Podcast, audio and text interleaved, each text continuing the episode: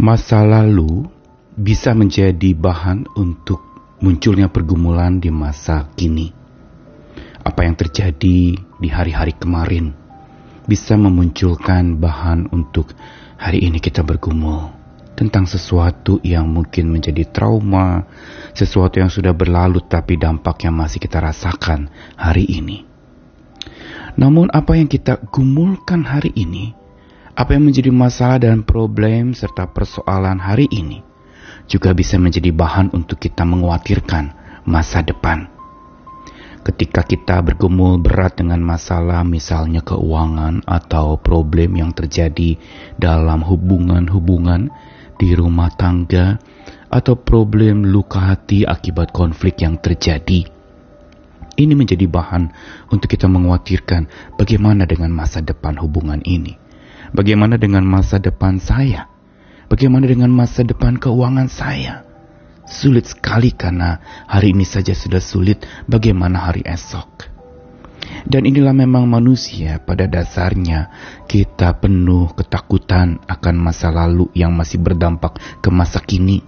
Juga kita penuh kekhawatiran akan hari esok yang berangkat dari kesulitan masa kini atau hari ini. Kita sangat membutuhkan dia sang pemegang masa, baik masa lalu, masa kini, maupun masa yang akan datang untuk intervensi, campur tangan bahkan berjalan bersama dengan kita. Kita perlu menyandarkan diri kepada Tuhan yang memegang ketiga masa itu, masa lalu, masa kini, dan masa depan. Yang kita butuhkan adalah agar mata hati kita menjadi terang, agar menghadapi masa depan pun kita bisa tenang. Saya Nikolas Kurniawan kembali menemani hari ini di dalam Sabda Tuhan yang menyapa kita dari Efesus pasal yang pertama ayat yang ke-16 sampai 19. Dan aku selalu mengingat kamu dalam doaku dan meminta kepada Allah Tuhan kita Yesus Kristus yaitu Bapa yang mulia itu supaya ia memberikan kepadamu roh hikmat dan wahyu untuk mengenal dia dengan benar dan supaya ia menjadikan mata hatimu terang, agar kamu mengerti pengharapan apakah yang terkandung dalam panggilannya, betapa kayaknya kemuliaan bagian yang ditentukan bagi orang-orang kudus, dan betapa hebat kuasanya bagi kita yang percaya, sesuai dengan kekuatan kuasanya. Bagian Efesus pasal 1 ayat 16 sampai 19 adalah cuplikan dari doa Rasul Paulus untuk jemaat di Efesus.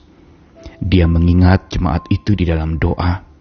Dan apa yang dia mohonkan itu adalah sesuatu yang sangat dibutuhkan oleh orang-orang percaya. Masa itu maupun masa sekarang.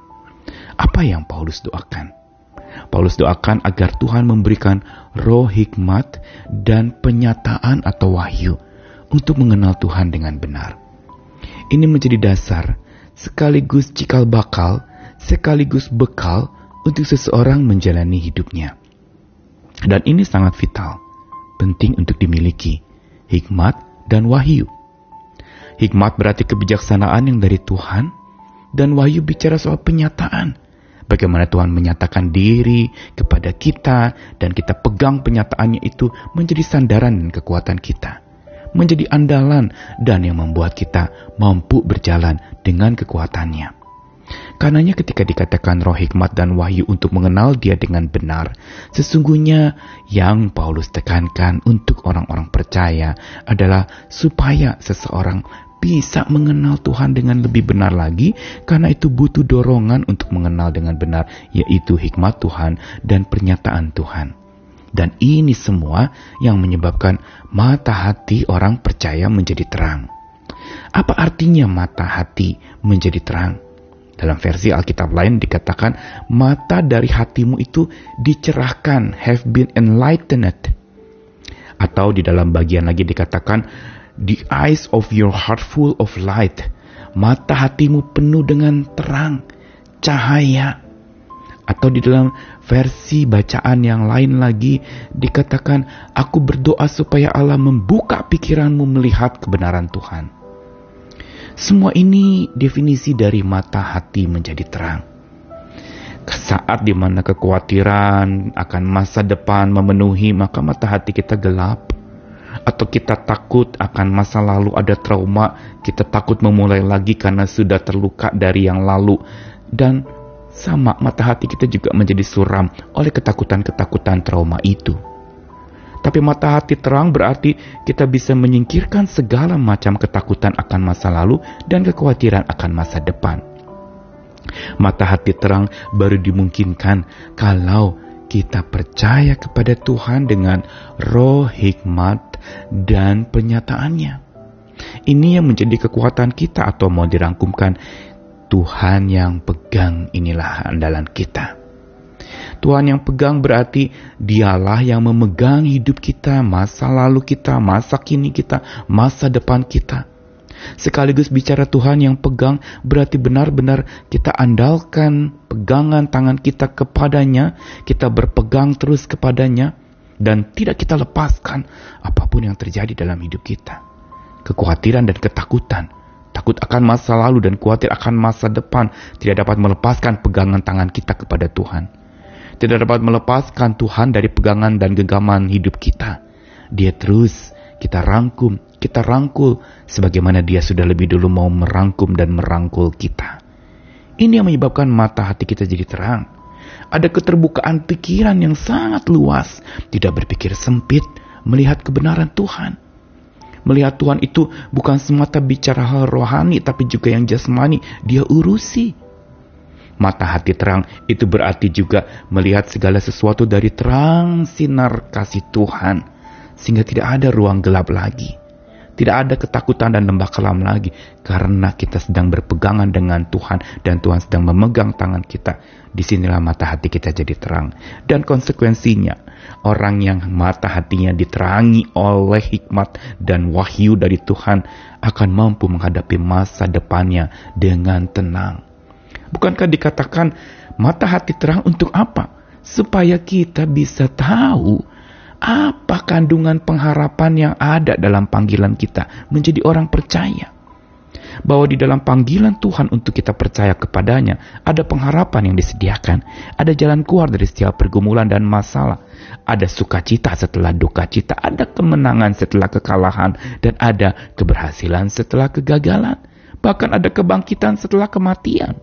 Bukankah ini yang dalam hari-hari di mana kita mengingat tentang kebangkitan Kristus, kenaikannya ke surga, dan bahkan turunnya roh kudus yang menghibur kita, menandakan selalu akan ada pengharapan buat orang percaya, yang baru kita bisa lihat bila mata hati kita terang.